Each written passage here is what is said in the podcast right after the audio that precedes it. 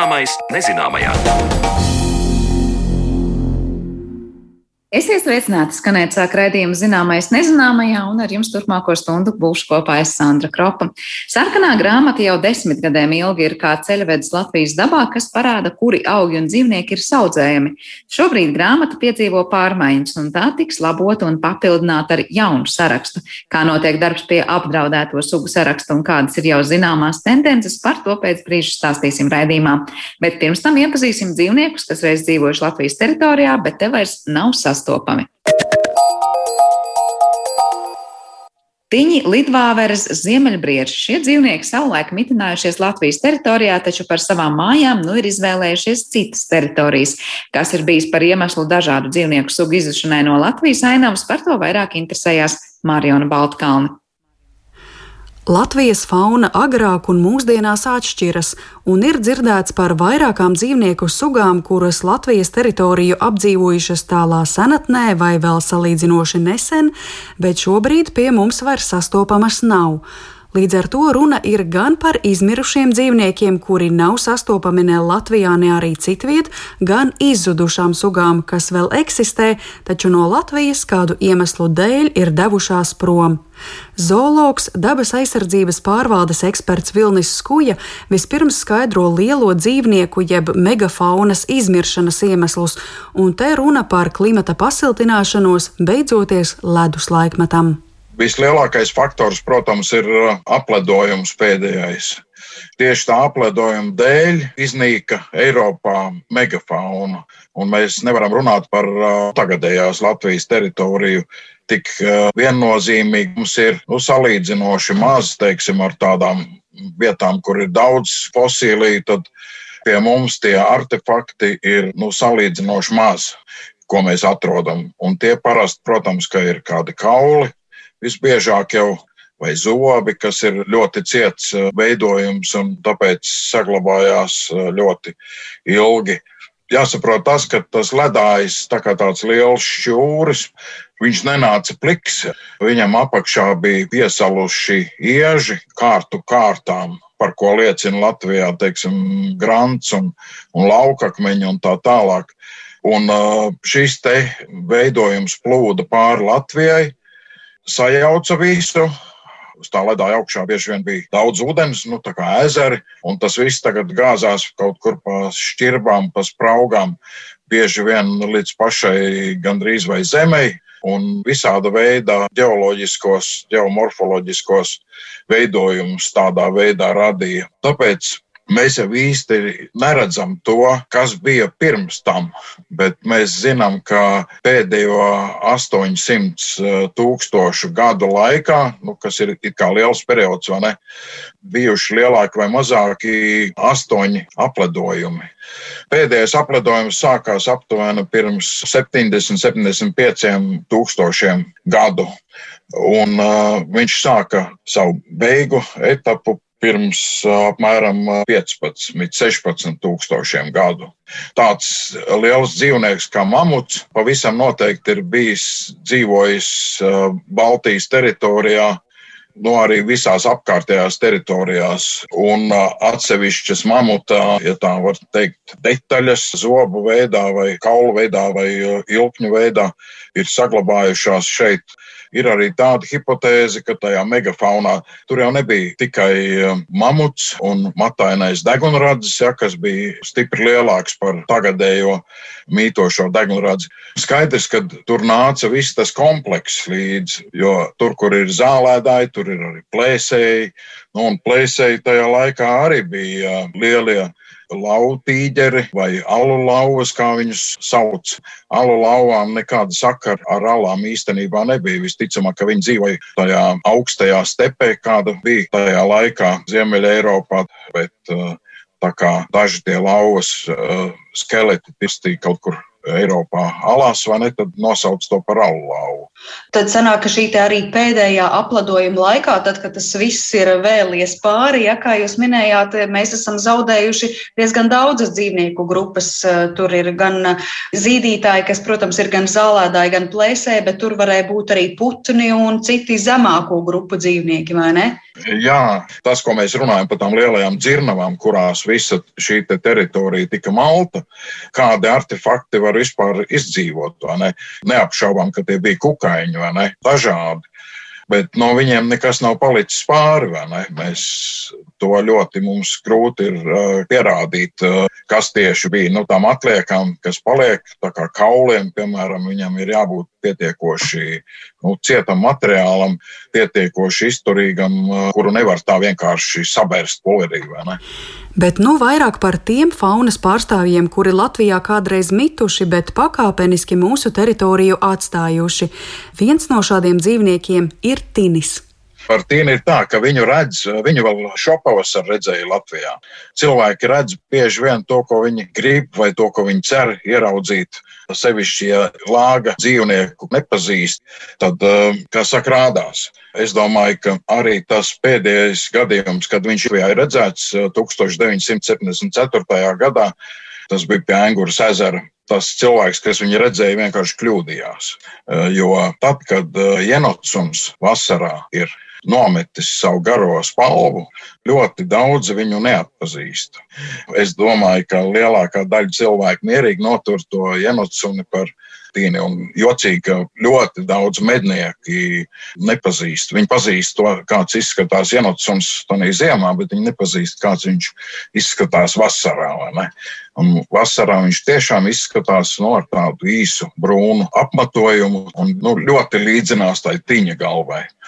Tīnis ir neapšaubām, ka no Latvijas viņš ir pazudis gan klimata dēļ, tāpēc, ka klimats mainījās, kļuva siltāks, gan arī tāpēc, ka Tīnim ir vajadzīga ļoti liela teritorija, teiksim, lai viņš varētu dzīvot.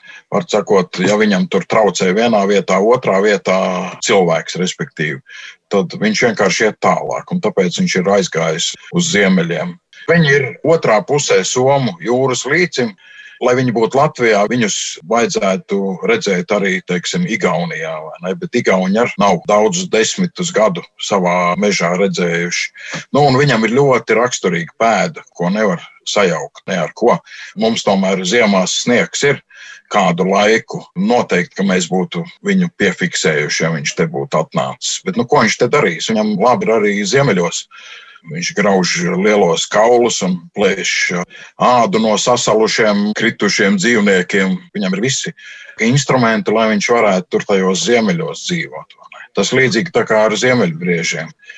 Ziemeļbrieži arī kādreiz bija mūsu teritorijā, bet no aptuveni 90, 8 tūkstoši gadu atpakaļ ziemeļbrieži aizgāja no mūsu teritorijas. Vilnis Skuja stāsta, ka pagājušā gadsimta 30. gados notikuši mēģinājumi no Somijas Latvijā ievest divus pārus ziemeļbriežu bažu purvā pie kolkas. Dzīvniekus mēģināts iemitināt, balstoties faktā, ka kādreiz tie Latvijā mituši. Pēc pāris gadiem šis eksperiments izgāzās, jo mūsu teritorija dzīvniekiem nebija piemērota. Ziemeļbrieži tika atstāti karstumā bez ūdens ar vienveidīgu barību purvainajā teritorijā. Līdz ar to jāsamierinās, ka nav iespējams atgriezt Latvijā visus arktikas dzīvniekus, jo pie mums vairs nav to apstākļu. Tāpat ir noteikts ēdamlietu komplekss, pie kā šie dzīvnieki ir pieraduši. Ja tas tiek atņemts, rodas sarežģījumi.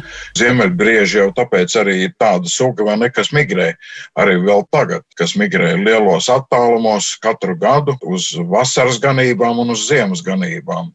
Un arī ejot uz ziemeļiem, viņi izvairās no kukaiņiem, jo tur uh, kļūst augstāks un tie asinsūcēji kukaiņi viņus tik ļoti nenomoka. Mm. Es vēl domājot par uh, to, ko jūs uh, teicāt ziemeļbriežu kontekstā par viņu ieviešanu atpakaļ mūsu vidē Es atceros, ka mums taču arī ir mēģinājumi ieviest atpakaļ šos savaļas zālēdājus, zirgus, govis, kuru radinieki ir arī sumbri. Sumbri jau droši vien arī ir viena no sugām, kas mums tā, neteiksim, ir izzudusi, bet nav vairs sastopama. Ja? Nu jā. Sumbras tagad Latvijā ir reaklimatizēts, ja kāds nezina, ap papi tur kaut kur staigā viens bars. Tur ir uzraksts sumbru ganības, un tur parasti nevienu sumbru neviens neredz. Viņiem ir kājas, kā saka, pakaļā, un viņi iet uz to vietu, kas viņiem ir piemērota. Viņi atrod to, ja ir iespējas. Ja nē, tad tie dzīvnieki sāk nīkuļot un nomirst. Kādreiz pie mums senos laikos ir ne tikai šis meža sumbrs, tagad esošais, bet arī tundras sumbrs ir mitinājies. Par tām ganībām, tad kā tur sanāk, Jā. it kā ir rakstīts, ka sumbri ir, bet realitātē viņi ir paši kaut kur patvaļīgi aizgājuši citur projām. Viņi tur klejo apkārt, jā, īstenībā. Mm. Viņi neturās, nu, kur viņiem tā kā būtu tā viņu vieta. Bet ir jau arī tāds, teiksim, dzīvnieks kā fazāns, kuru ik pa laikam jau kopš viduslaikiem mēģina Latvijā iedzīvināt, bet viņu arī nevar iedzīvināt, tāpēc, ka nav mums, kas sniega nav nemaz sniegs, ja ir dziļāks par 10 centimetriem, tad tas fazāns vienkārši nevar izkasīt sev barību. Tāpēc viņš neiedzīvojās. Un, ja paliks siltāks, tad varbūt ka, ka viņš iedzīvosies.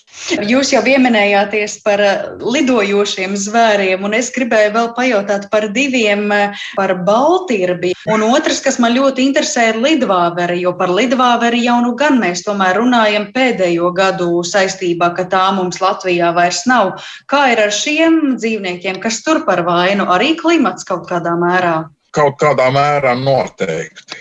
Bet arī tas, ka eh, bez klimata vēl kā tāds otrs faktors, ka ir mainījusies meža struktūra, teiksim, lidvāveres gadījumā, Baltirbei tur varbūt vairāk tas klimats ir eh, pie vainas.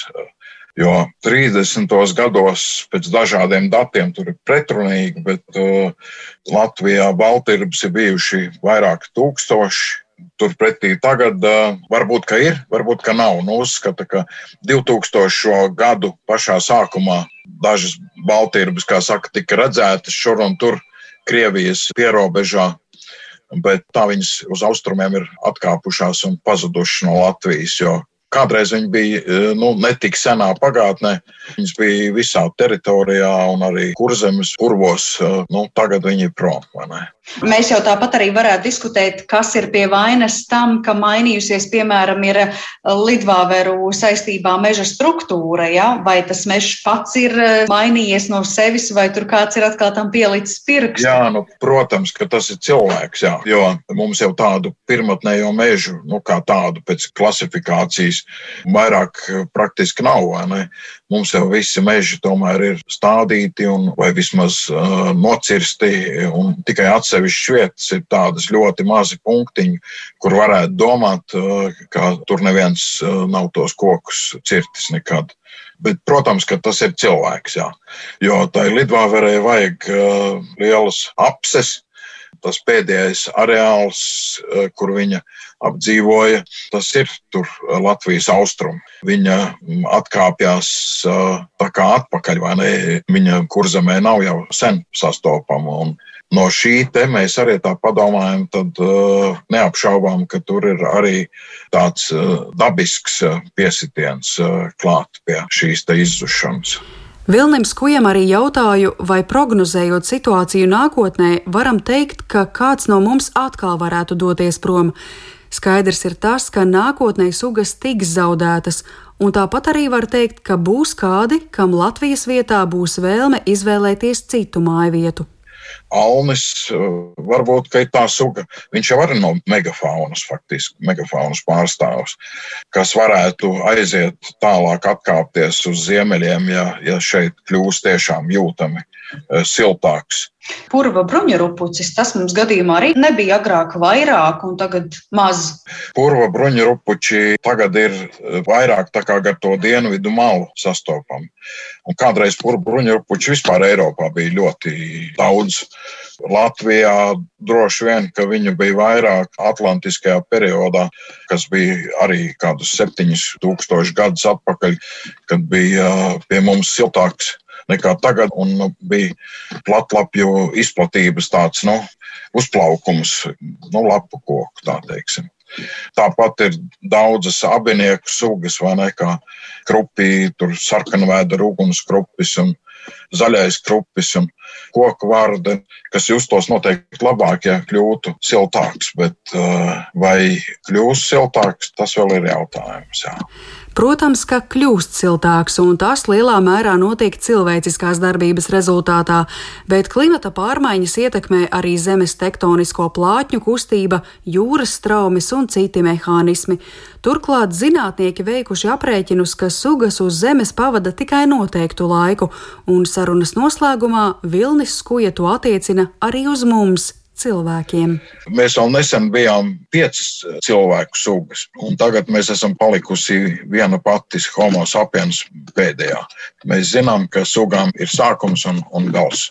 Lai kā mums gribētos, es domāju, ka mēs to nemainīsim. Ar dabas aizsardzības pārvaldes ekspertu Vilni Skuju sazinājās Mariona Baltkalne. Bet turpinājumā pievēršamies augiem un dzīvniekiem, kas vēl ir sastopami Latvijas dabā, taču pretendē uz vietu sarkanās grāmatas lapusēs.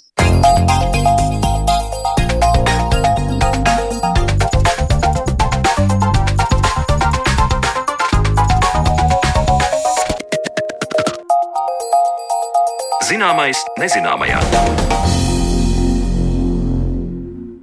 Latvijā top jauna apdraudēto sugu saraksts, jeb tā sauktā sarkanā grāmata. Tā piedzīvos izmaiņas, labojumus un papildinājumus.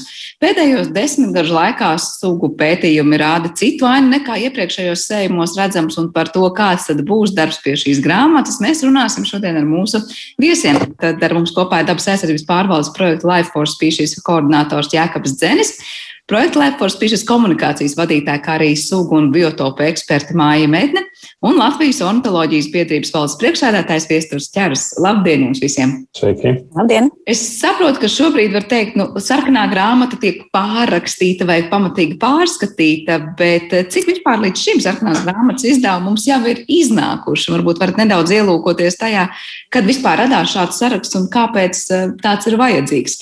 Es, eh, es noteikti varu ieskicēt šo sarkanās grāmatas vēsturi Latvijā. Protams, sarkanai grāmatai ir apmēram 50 eh, gadu sena vēsture Latvijā, jo pati pirmā sarkanā grāmata tapa 1980. gadā.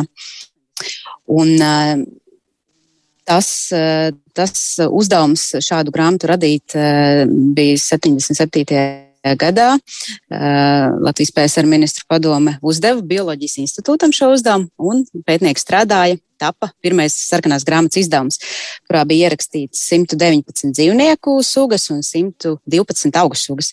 Tā bija domāta kā zinātniekiem, pētniekiem, dabas aizsardzības speciālistiem. Mm, un pats izdevums bija ļoti interesants. Bija saskavotas kopā lapas, faktu lapas, par katru no sugām, ar domu, ka, ja informācija mainās, šo lapu var eh, izņemt ārā un papildināt. Tas arī bija veidots mašīna rakstā un ar roku zīmēti zīmējumi. Bet, nu, protams, ka mm, gāja laiks un uh, radās pieprasījums pēc normālas drukātas grāmatas, kas savukārt radās 85. gadā. Tā bija tas pirmais sarkanās grāmatas, tāds drukātais izdevums, 6000 eksemplāru. Un arī tomēr tas bija vairāk pētniekiem un speciālistiem. Bet uh, vēl pēc, uh, pēc pieciem gadiem arī pieauga sabiedrības pieprasījums un interese par šo izdevumu. Tādēļ 90. gada sākumā radās arī populāras zinātniskās sarkanās grāmatas versijas. Nu, savukārt, 90. Eh, gadu vidū sākās darbs pie nu, jau aktuālākās eh, sarkanās grāmatas versijas, ko lietojam arī mēs. Nu, laikā no 98. līdz 2003. gadam eh, tika izdoti pieci sējumi.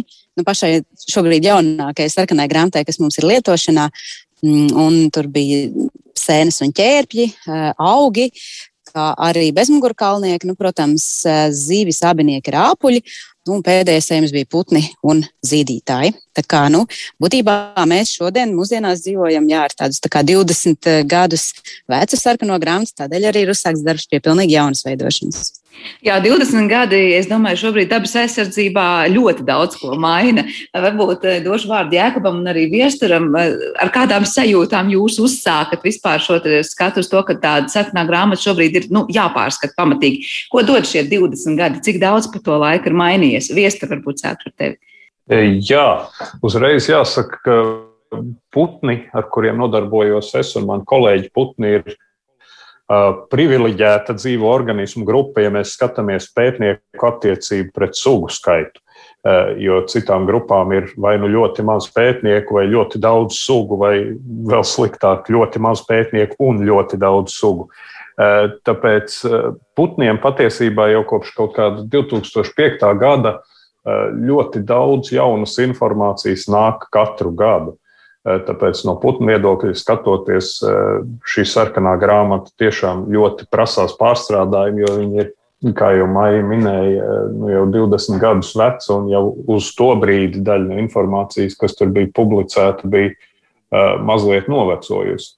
Un vismaz no putnu viedokļa es skatos uz jauno sarkano grāmatu ar cerībām, ka turpmāk mēs varēsim citādāk, bet var jau būt, ka es esmu naivs, bet nu skatīsimies. Jo redziet, tas sarkanajām grāmatām ir bijis līdz šim tā, ka tā ir ļoti fundamentāla publikācija. Ja tu skolā ejot iemācījies, ka tā vai cita suga ir sarkanajā grāmatā, tad, tad kad tu pieaugi, tad tas joprojām bija spēkā. Nu, Tātad, kā jau Maija minēja, 85. gads bija izdota pirmā grāmata, un tad 2000. jā, tikai nākamā, kas atkal ir jau, jau 20 gadi pagājuši. Dabā viss mainās daudz straujāk, nekā mēs varam izdot grāmatas, un tāpēc es ceru, ka šī būs atspēriens tādai uh, regulārākai sarakstu atjaunošanai, jo mēs Latvijā tradicionāli tradicionāli runājam par sarkano grāmatu pasaulē, jo parasti runā par sarkano sarakstu. Tā tad nepūlās katru reizi izdot lielu grāmatu, bet vienkārši uzturēt, uh, uzturēt dzīvu sarakstu. Jā, cik bieži būtu jāpārskata šādi saraksti, un uh, Jēkab, kāds varbūt ir parādā atbildi palika par to, ar kādu skatu tu skaties uz šo te atjaunoto sarkano grāmatu? Jā, nu tas ir tiešām ilgi arī gaidīts notikums dabas aizsardzībā Latvijā, kad šim sarakstam mēs varam pieķerties. Ne tikai sarkanā grāmatā, bet arī projekta ietvaros mēs pārskatīsim arī īpaši aizsargājumu sugu sarakstu, kas ir tā, tā varbūt tā lieta, kas man te jāakcentē jau sākuma daļā, lai mums nejūt. Tad sarkanā grāmata ir tāds apkopojums, kā viesturs tikko pareizi arī pateica, tāda apjomīga publikācija par apdraudētajām sugām Savukārt, ne visas šīs apdraudētās sugas, kas sarkanajā grāmatā ir iekļauts, ir arī iekļauts tālāk normatīvajos aktos, kas paredz šo sugu aizsardzību. Un, ja tad ir, tas ir atsevišķs saraksts, to droši vien mēs arī vēlāk varam tur detaļās vairāk ieiet, kādas atšķirības. Bet, jebkurā gadījumā, arī tieši pats sarkanās grāmatas pārskatīšana bija tāds ilgi gaidīts notikums dabā un mūsu saimnieciskajā darbībā. Tiešām šajos 20 gados ir liels pārmaiņas, un liels pārmaiņas ir arī tajā, kā mēs esam vākuši datus par, par šīm dažā, dažādu organismu grupu sugām. Kā viesturs jau teica, ka putnu, putnu ziņā mums ir daudz ekspertu, citās grupās mazāk, bet vienlaikus ir dažādi monitoringa projekti veikti. Ir tas pats dabas skaitīšanas projekts finiša taisnē, ar, lai gan nebija mērķis, protams, aizsargājumās un apdraudētās sugas, bet tāpat iegūt ļoti daudz vērtīgu datu. Un, un, jā, līdz ar to ir tas īstais brīdis, kad mēs, kad mēs varam to visu likt kopā un pārskatīt. Viesturs laikam gribēja piebilst kaut ko. Jā, es gribēju teikt eh, vienu būtisku lietu, ko mums būtu svarīgi neaizmirst, piebilst jau pašā sākumā. Eh, šī jaunā sarkanā grāmata taps pēc aktuālajiem eh, starptautiskās organizācijas IUCN kritērijiem, kas īsti nav līdz šim Latvijā izmantoti. Tāpēc ir vērts paturēt prātā, domājot par sugām, kas būs jaunajā sarkanajā grāmatā vai sarkanajā sarakstā, Eh, ka tas nevienmēr nozīmēs, ka kādai sugai ir tagad labāk nekā bija toreiz, vai sliktāk nekā bija toreiz. Respektīvi, eh, tas, kas mainījies, ir ne tikai sugas, eh, ne tikai sugu populācijas, bet arī tas, pēc kādiem kritērijiem mēs viņus vērtēsim, lai iekļautu šajā sarakstā. Tas nozīmē, ka līdz šim eh, nevarētu teikt, ka tas, kas bija Latvijas sarkanajā grāmatā, ir ar tādu vienādības zīmi liekams to, kas bija starptautiskajos sarkanajos šajos sarakstos. Eh, kritēriji bija pilnīgi citi, lai, lai vērtētu šīs sugas. Jā, es pareizi saprotu. Nu, es tur gluži klāt iepriekšējiem nestāvēju, tāpēc neņemtos apgalvot, ka pilnīgi citi, bet viņi nebija katrā ziņā precīzi atbilstoši. Bet kur ir tā atšķirība tam, ar ko varētu mainīties tagad šie kritēriji, ja pēc šiem skatās? Tas ir kaut kāds pilnīgi cits izvērtējums, skatoties uz sugām. Nu, es teiktu, ka galvenā atšķirība ir, ka tas ir daudz objektīvāks izvērtējums, jo pašreiz izmantotajos kritērijos eh, ir ļoti skaidri skaitliski sliekšņi, teiksim, par cik procentiem populācijai jābūt sarukušai, lai viņu uzskatītu par apdraudētu, vai, vai cik mazai ir jābūt populācijai, lai viņu uzskatītu par apdraudētu.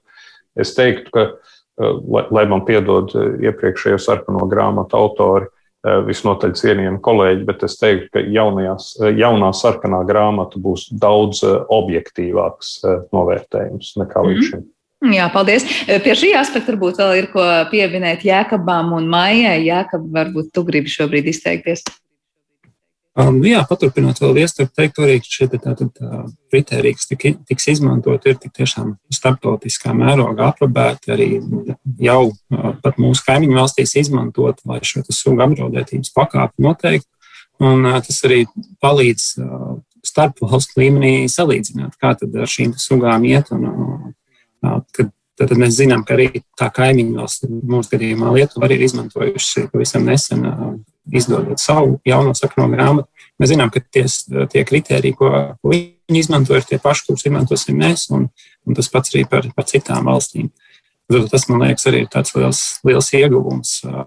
Un tālāk arī mūsu izvērtējumi, kad arī citām valstīm būs interesanti citiem pētniekiem, jo, jo viņi zinās, ka, ka tā tad ir izmantot šie aprobētie kriteriji, nevis, nevis paši izdomāti vai, tādi, kas vēl starp grupām ir atšķirīgi vienas valsts ietvaros. E, tad beidzot varam vairāk salīdzināt savstarpēji valsts šīs, šos datus. Maija vai par šo iepriekšējo sarkano grāmatu objektivitāti varbūt ir kāds komentārs arī vēl pie tā, ko jau dzirdējām no abiem citiem runātājiem. Jā, ir, ir skaidrs, ka, ka tā pilnīgi atbalsta viestura teikto, ka ir um, tāda jauna, uh, jauna pieeja. Uh, un, un tā mums noteikti pirmoreiz Latvijā, kā jau Jēkabs teica, arī lietuviešiem ir iznākusi šī gada sākumā publicēta uh, viņa visjaunākā sarkanā grāmata, un mums arī bija ar viņiem sadarbības seminārs, kur laikā ap, dalījāmies ar pieredzi un apmainījāmies ar, ar, ar, ar, ar viedokļiem. Un, un, un jā, arī viņiem, viņi pirmo reizi tieši šo jauno izdevumu veidojot, pielietoja ajūsien kritērijus.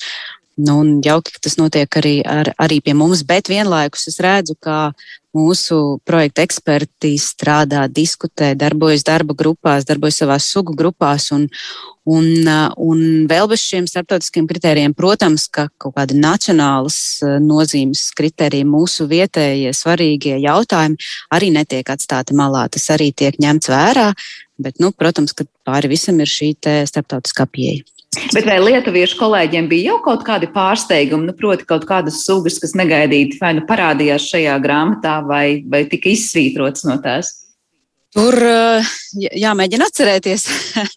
mēs šķiet, mēs vairāk runājām par metodiku, par pieeju, par ekspertu pieredzi, par ekspertu savstarpējo komunikāciju, varbūt mazāk par tādām konkrētām sugām. Es domāju, ka tīri darba procesā jau šobrīd, lai arī projektam ir tikai pirmais tāds nopietnākais ieskriešanās gads, mēs noteikti varam par, par savām Latvijas sugām varbūt kaut ko vairāk nokomentēt, kas, kas mums jau rādās, kādas iezīmes vai vismaz diskusijas diskusiju objekti. Kā var teikt, jums jau ir sajūta, kas, kas būs šajā sarakstā noteikti kā pārsteigums? Es domāju, ne, ne vairāk kā pārsteigums, bet vairāk kā rezultāts nu, tādai krietni nopietnākai zinātniskai pieejai un arī šim starptautiskajam izvērtējumam. Es noteikti varu minēt kādus piemērus no, no augu pasaules, jo nu, būtībā tur ir četras tādas uh, lielas uh, grupas, kas ir diskusiju objekti. Proti, vienas, vienas ir sugas, kurām ir pilnīgi nepareizs, teiksim, floristiskais status iepriekš noteikts, un nav bijis pietiekami daudz informācijas, lai saprastu, vai tā ir mūsu vietējā suga vai nav. Uh, vēl ir tādas sugas, kurām nav bijis vienkārši pietiekami daudz pētījumu, lai saprastu, vai viņas mums ir bieži vai reti sastopamas. Un ir, teiksim, tādas kā Reihenbacha violīte, kur ir ļoti stereotipiski domāts, ka mums ar šo sugu ir pilni meži, bet izrādās tikai 3 līdz 4 atradnes pēc jaunākajiem pētījumiem. Nu, un, protams, arī um, sugas, kurām ir šobrīd ļoti neskaidrs taksonomiskais status, uh, nu, arī, arī tā, tās visticamāk kustēsies vienā vai otrā virzienā. Visticamāk, varētu būt, ka viņas šo sarakstu atstās. Jo, ja mums nav īsti pārliecības, vai, vai teiksim, šī šerārda roze patiešām, ko mēs Latvijā uzskatām par šerārda rozi, ir šerārda roze, vai tas ir tomēr pavisam kaut kāda cita suga, ja? nu, tad, tad, tad varbūt nevajag likt šādā sarkanajā sarakstā neskaidras lietas. Bet es domāju, ka noteikti viesturs var pak pakomentēt, jo es sapratu, ka šis saraksts ir diezgan jau pa putniem skaidrs. Skaidrs, jā. Par to, kas tur nāks klāt un iesprom arī vēl parunāsim vairāk, bet viesturi, ja reiz mājiņa deva vārdu tev, tad kā ir ar putniem? Saraksts jau ir daudz maz zināms. Nē, nu tas, ko mēs esam izvērtējuši, ir likstojošie putni, uh, jo mēs arī esam šajā raidījumā runājuši par likstojošo putnu atlantu, un apdraudētības vērtējums ir viena no lietām, ko mēs iekļāvām šajā publikācijā. Eh, bet, eh, protams, kā jau minēju, nāk klāt vēl jauna informācija par daļu no sugām katru gadu. Tā kā šī informācija vēl tiks mazliet atjaunot un būs kādā brīdī jānovelk svītra, nu, kad nākošā gada informāciju mēs vairs iekšā neliekam. Bet sarkanā saraksta sastādīšanas ietvaros ir jāizvērtē eh, ne tikai likstojošie putni, bet arī visi pārējie. Tāpēc eh, nu, nav tā, ka mums vairs nebūtu ko darīt, jo arī caurceļojošie, ziemojošie putni ir, ir eh, vērtēšanas vērti. Bet tagad, kamēr pārējie runāja, es sāku justies mazliet neomulīgi par to, ko es pateicu iepriekš, jo varbūt kādam radās iespējas, ka es noniecinu iepriekšējo kolēģu devumu sagatavojot sarkano grāmatu, bet tāpēc es gribēju pasvītrot, ka iepriekšējā sarkanā grāmata bija ļoti fundamentāla publikācija un ļoti būtisks atspēriens daudzu sugu izpētē. Eh, vienkārši eh, tie bija pilnīgi citi apstākļi, kuros šī sarkanā grāmata tappa, un līdz ar to informācijas pieeja, eh, pieejamība bija, bija sliktāka. Un, Un, un tā pašā laikā toreiz tiešām cilvēki gāja dabā, lai, lai saprastu, kas tad mums vēl Latvijā ir palicis. Tā kā tā pirmā sarkanā grāmata ir tāds būtisks eh, dokuments, kas ir uz to brīdi un tapis uz tā brīža labāko pieejamo informāciju. Ja gadījumā mans iepriekš teiktais izklausījās necienīgi. Es domāju, ka uzsvērām galveno ideju, jo, protams, nu, laiks mainās gan tajā, kā iegūstam datus tīri tehnoloģiski. Un es domāju, kaut vai tagad ar dažādām aplikācijām vai fotografiju iespējām, kas ir, lai kaut vai fiksētu, kur kāds eh, neornitologs kādu putnu ir redzējis, arī droši vien ir daudz plašāks nekā tas bija pirms 20 vai 30 gadiem. Eh, bet es domāju, ka tu viestur domā arī par to, ka nu, kritēriji, pēc kuriem izvērtēt, vienkārši mainās un tīri objektīvi tas tā, tā aina būs citādāk, ja mēs pēc citiem kritērijiem skatāmies to sarakstu šodien un pirms 30 gadiem. Bet tu laikam gribēji ko piebilst vēl par to, kuri putni mūs varētu šo sarakstu papildināt vai gluži pretēji pamest, vai tu vari redzēt, nu, kā mainās tā aina eh, dabas daudzveidībā, ja mēs runājam tieši par putniem Latvijā. Jā, par dažām sugām es varu pateikt, eh, un, un eh, tu sāk ar jautājumu par pārsteigumu. Es domāju, ka ne man, ne, ne citiem kolēģiem pa savām grupām tie jau nav īsti pārsteigumi, jo mēs, kas sekojam līdz tām sugām, jau apmēram ir mums priekšstats, kā viņai klājas, bet eh, šis eh, saraksts palīdz ielikt tādus starptautiski pieņemtos rāmīšos un, eh, un parādīt arī sabiedrībai, kā tam sugām iet. Bet, ja mēs runājam par sugām, kur tiešām populācijas ir mainījušās, nevis ietekmē mainīt kritēriju, tad, tad noteikti ir vērts atzīmēt dzērvi, piemēram, kam populācija gan Eiropā kopumā, gan Latvijā ir ļoti augusi. Uh, un eh, dzērve ir viena no sarkanās grāmatas sugām iepriekšējos izdevumos, bet eh, šobrīd viņai īsti vairs nebūtu pamata tur būt. Vidējais dzēnis arī bija ļoti rets putns 80.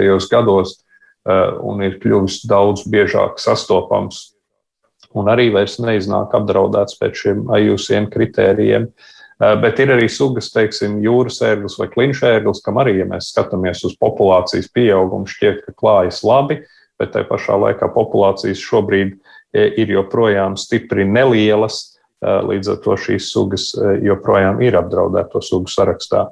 Un tad ir otra puse, ir sugas, kas ir it kā mūsu uzskatos bieži sastopamas, bet kur populācijas ir tik strauji lejupējošas, ka viņas acīm redzot, tai sarakstā būs jāiekļauj. Ja mēs runājam par plēsīgiem putniem, es teicu, ka ērgļiem klājas labi, bet, bet vistuvanaks un peļu klijāns Peļķliens turklāt ir parastākā dienas plēsīgo putnu suga Latvijā. Šīs, šīs sugas ir gājušas uz leju tik strauji, ka pēc kritērijiem sanāk apdraudētas. Tāpat daudzkārt apspriestā mežģība, mūsu mežu nometnieku suga arī ir populācijas lielums joprojām ir liels, bet, ja mēs skatāmies uz populācijas samazinājumu straujumu, tad tas atbilst kritērijiem, lai viņi pieskaitīti apdraudētajām sugām.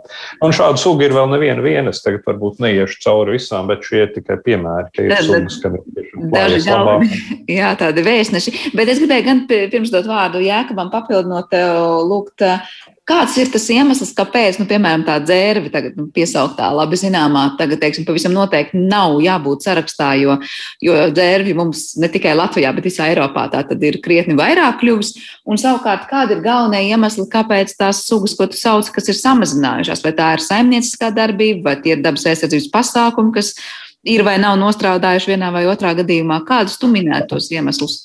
Nu, Tas vienmēr ir sarežģīts stāsts, tāpēc ka katrai sugai ir savi iemesli, un, un gandrīz nevienai sugai nav tikai viens iemesls, kas ir novedis pie tā, ka viņa iet uz leju vai uz augšu. Eh, ja mēs runājam par dzērvi, eh, tad šī ir eh, zināmā mērā viena no sugām, kas ir ieguvusi no faktoriem, kas citām sugām dara pāri. Respektīvi, dzērvei ir palīdzējusi intensīva lauksaimniecība, un, un papildus tam dzērvei ir palīdzējušas arī siltas ziemas jo mēs zinām, ka gan putniem, gan citām sugām e, bieži vien populācijas nu, šķēres, nu, tad, tad, tas, kas, tas, kas limitē populāciju, ir e, ziemošanas iespējas, izdzīvotība ziemā. Un dzērvēm šīs lauksaimniecības pārmaiņu dēļ, siltāko ziemu dēļ ir daudz labāki pārziemošanas apstākļi Rietumē Eiropā, kas ir ļāvuši populācijai uzplaukt. Ir bijuši arī eh, aizsardzības pasākumi svarīgi eh, atjaunot mitrāju rietumu Eiropā, kas ir savulaik nosusināti, un aizsardzības pasākumi ir palīdzējuši arī ērgļu sugām. Eh, ne tikai Latvijā ērgļi ir savulaik šauti kā kaitnieki plēsēji, viņi ir ļoti cietuši arī no dažādiem ķīmiskiem piesārņojumiem, DDT tā skaitā, un to visu ierobežojot, aizliedzot un sargājot ērgļu līgstas. Tās populācijas ir atjaunojušās. Runājot par sugām, kas iet uz leju, tur uh, atkal faktori dažādi. Tur daļai sugu var būt klimata pārmaiņas, ko es minēju, teiksim, eh, tas ir, ne, ko es neminēju. Baltība ir viena suga, kas arī kļuvusi stipri apdraudētāka, lai gan viņa bija sarkanajā sarakstā jau toreiz, bet tagad viņa faktiski izzudusi. Eh, tur, tur varētu spēlēt lomu klimata pārmaiņas, bet attiecībā uz mežu meži ir bija neapšaubāma saimnieciskā darbība, kas ir galvenais faktors šīs sugas lejupslīdē. Tā kā tur katrai sugai ir savs stāsts, un šos stāstus arī mēs plānojam šajā jaunajā sarkanajā grāmatā apkopot. Tāpat kā Jā. tas ir bijis darīts līdz šim. Tātad eh, jaunajā sarakstā ne tikai skatīsimies sugas, bet arī lūkosim tos iemeslus, kāpēc vienai ir klājies labāk un otrai sliktāk. Jā, ka es tev arī vēlos pajautāt, kādas tu varbūt sugas uh, uzskaitītu kā tās, kuras visticamāk, es nezinu, nāks klāt vai pametīs sarakstu, un kādi būs tur tie iemesli, jo iestarsies skaisti par putniem pastāstīt, tad droši vien var vēl plašāk par citām sugām arī ko pakomentēt. Um, jā, nu, pirmkārt, jau jāakcentē, protams, ka tas darbs tikai ir uh, nu, pat iesācies, un, un tie gala novērtējumi vēl vienai sugai uh, nemaz nav, nav, nav izveidoti. Bet uh, nu, dažas sugas, ko var akcentēt, protams, uh, iepriekšējā sarkanajā grāmatā, teiksim, zīdītāja sadaļā pelēkais ronis un, uh, un otrs bija starp sugām, kas iekļaut pelēkais ronis trešajā kategorijā, kā tāda retā suga. Uh, un otrs savukārt ceturtajā kategorijā, suga, par kuru datu nav, teiksim, tā nav pietiekami. Un tad mēs pavisam noteikti varam teikt, ka ūdens uh, ir, ir, ir veikts speciālais monitorings uh, pēdējos uh, gados, izstrādāts sugas aizsardzības plāns, tad ar to vākti ļoti apzināti šie dati. Un, un šā, šī suga visticamāk nebūs vairāk sarkanajā grāmatā iekļauta. Uh, bet, protams, būs aizsargājumā sugu sarakstā, jo tā ir tomēr suga, kurai arī ir Eiropas Savienības normatīvos aktos iekļaut, un Latvijas mērogā arī šie aizsardzības pasākumi ir nepieciešami. Un, tāpat arī pelēkais nonis arī suga, kas ir strauji, kuras populācija ir strauji pieaugusi pēdējās desmit gadēs, un arī šajā reto sugu kategorijā nu, pavisam noteikti arī vairs neiekritīs. Un abām šīm sugām arī tieši šie aizsardzības pasākumi ir, ir viens no tiem faktoriem, kas ir palīdzējis šīm populācijām iet uz augšu. Tad ir medību, medību aizlieguma abām sugām, kas agrāk nebija tik izteikti. Un, un, protams, arī citi faktori, kas nākuši par labu. Otra gadījumā dzīve, piemēroto dzīvotņu stāvokļu uzlabošanās, jo, jo gluži vienkārši melorā, arī melorācijas sistēmas, kuras ir apludinājusi debesīs, arī var būt piemērota vieta šiem ūdeņiem. Tāpat mūsu zivju dīķi, laba vieta, kur baroties, un vēlākā roņa gadījumā arī šī klimata pārmaiņas savā ziņā ir arī nākušas par labu. Savukārt citas sugas teiksim, dārzus uzsvars, kas mums bija iepriekšējā sarkanajā grāmatā, sarkanajā, trešajā kategorijā, kā retā suga, bet jāteic ar tādu diezgan lielu nenoteiktību attiecībā uz datiem, kas izmantoti, jo, jo par daudziem, daudziem gadījumiem nebija absolūti apstiprināts, ka tā tik tiešām ir, tad šobrīd mēs jau nu, ekspertu tas vērtējums ir, ka pēdējās desmitgadēs nav, nav neviena tāda novērojuma, kuru varētu uzskatīt par drošu. Visticamāk, ka šī suga nevis būs vairs kā reta suga, bet atzīta kā izzudusi Latvijas teritorijā, kas arī, arī līdzīga tendence citās valstīs. Piemēram, no bezmugurā kalniekiem, ko varētu pieminēt, ir diškoks un grauzes Tā ir tāda uh, koksgraužu suga, kas uh, nu, saistīta ar veciem mežiem, ar uh, ratņošo koksni. Un, um, ja iepriekšējā sarkanajā grāmatā bija minēts, ka pēdējos 70 gadus tad, uh, nav, nav šī suga konstatēta Latvijā, tad, uh, tad no nu, jau pēdējo desmit uh, gadu laikā tas ir uh, vairākas jaunas uh, atradnes uh, visā Latvijā, kas ir atrastas. Un, uh, Tad ekspertiem, protams, pēc piemērojot šis kriterijs būs, būs jāizvērtē, kurā kategorijā tā ir. Bet, nu, visticamāk, ka nevairs kā iz, izzudusī suga, bet tiešām tāda, kas vēl vien ir konstatējama. Un tas savā ziņā ir arī tāds papildus nopelns no šīs sarkanās grāmatas, ko arī viesturs akcentēja, ka, ka tika iepriekšējā grāmatā izmantot tie labākie dati, kas, kas nu tajā brīdī ir un iekļaujot šo sugu sarkanajā grāmatā, protams, arī interese par viņu pieaug. Un, un arī eksperti līdz ar to interesi meklēt šo sugu, atrast varbūt jaunas, jaunas dzīvotnes vai pārbaudīt šīs iepriekš, iepriekš konstatētās, arī veicina šīs sugas izpētes. Spēkīgi diskāru grauds noteikti ir starp tādām sugām, kas, kas ir nokļuvuši meža ekspertu, var teikt, ekspertu, kas nav bezmugurkalnieku eksperti, kas veic meža inventarizācijas, biotopu inventarizācijas sugu, kurai pievērš, pievērš uzmanību, jo pēc tam atstātajām izskrējām var arī konstatēt. Un atsevišķi tādi gadījumi ir arī nākuši, nākuši par labu un ir, ir atrasti, atrasti šī suga.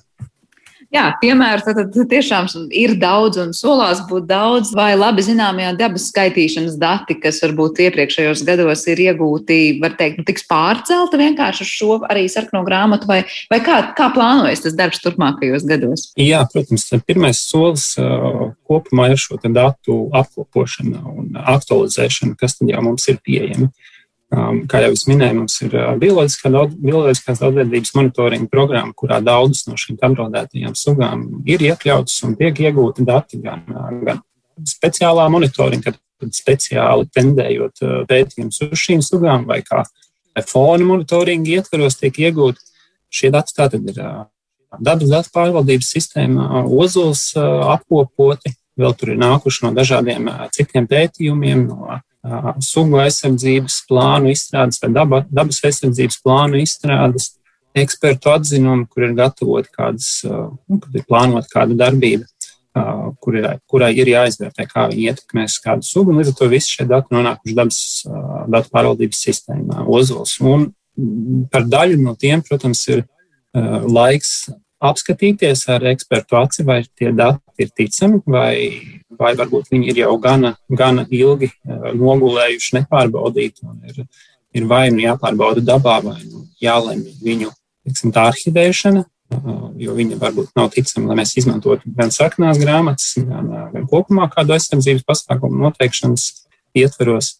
Dabas skaitīšanas projekts, tad, kurš, kā jau minēju, tuvojas noslēgumam, tā dati pavisam noteikti arī tiks izmantoti. Un, un tur ir jāmin, protams, ka tur nebija prioritārais mērķis tieši sugu izplatību vērtēt. Un, bet ir savākt ļoti daudz interesanti novērojumi par, par daudzām sugām, īpaši par tām, varbūt, kuras mēs iepriekš uzskatījām par tādas, ka viņas ir, nu, neteiksim, biežas, bet tomēr kā raksturojošās sugas, lai biotopu klasificētu vienā vai otrā kastītē, kuras tad ekspertam obligāti ir arī, ir arī jānovērtē. Un tās noteikti būs, par kurām mēs iegūsim visvairāk datus tieši no dabas skaitīšanas Tāpat portāls dabas dati LV, kurā tātad sabiedriskā, sabiedriskie novērojumi nonāk. Arī, arī šo datu, šos datus ir plānots aktu, aktualizēt, sas, saskatīt, paskatīties, kas ir jau tiksim, dabas datu pārvaldības sistēmā, dabas datu pārvaldības sistēmā ozols, kas dublējās. Un, tas ir tas pirmais solis tiešām ap, apkopot visu, visus šos izplatības datus, kas mums ir. Un, nepieciešamības gadījumā arī šie apsakojumi dabā, ko jau arī eksperti ir, ir uzsākuši. Un arī nākamā, nākamā gada laikā arī vēl veiks tajos gadījumos, ka tiešām ir kādi interesanti vai pretrunīgi novērojumi. Te varbūt uzreiz pieminēšu, mums pavisam nesen tieši ir apstiprināts iepriekšējā sarkanajā grāmatā pirmajā kategorijā iekļautas sugas dižās biežobolas atradums Latvijā, kas nebija 50 gadus, šī suga nebija 50 gadus konstatēta. Un līdz ar to arī tas šādi gadījumi pavisam noteikti ir šādas sugas, kas tik, tik reti ir, ir konstatētas, ir tās, kas tiek izvirzītas tālāk uz apsakojumiem dabā. Un tālāk pēc šo datu visu apkopošanas, tad jau sākas darbs ar kritēriju piemērošanu. Par to, protams, noteikti viesturs labāk, labāk var izstāstīt par šiem dažādiem kritērijiem. Tā pavisam īsi runājot, ja populācija ir ļoti maza vai ja populācija ļoti strauji samazinās, tad viņi ir apdraudēti. Tā tad arī bieži sastopama suga var kļūt apdraudēta, ja populācija ir strauji lejupslīdoša. Tas arī viss tā ļoti īsumā par kritēriju. Tātad, ja kaut kas ļoti, ļoti strauji samazināsies, tas būs signāls par pat, ja, pat ja tad, ja suga ir plaši izplatīta, mums ir ļoti, ļoti uzmanīgiem jākļūst, un e, tātad suga tiks iekļaut šajā sarakstā. Nu, ko klausoties jūsos, man e, top skaidrs tas, ka saraksts tiešām būs tāda jaunākā versija par to, kas tad Latvijas dabā ir noticis un mainījies pēdējos gados, un, eh, un redzēsim tiešām to uh, balstītu tādos kritērijos, kas ļaus salīdzināt, kas tad īsti notiek ar šo sugu, piemēram, arī kaimiņu valstīs, un kas tad pie mums.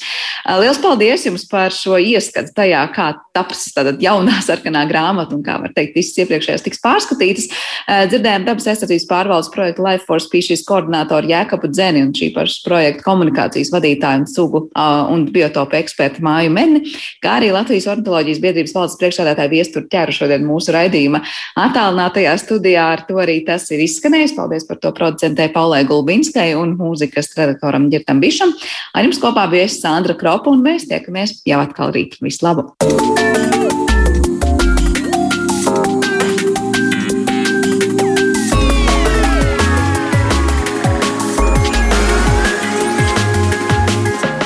Zināmais nezināmajā.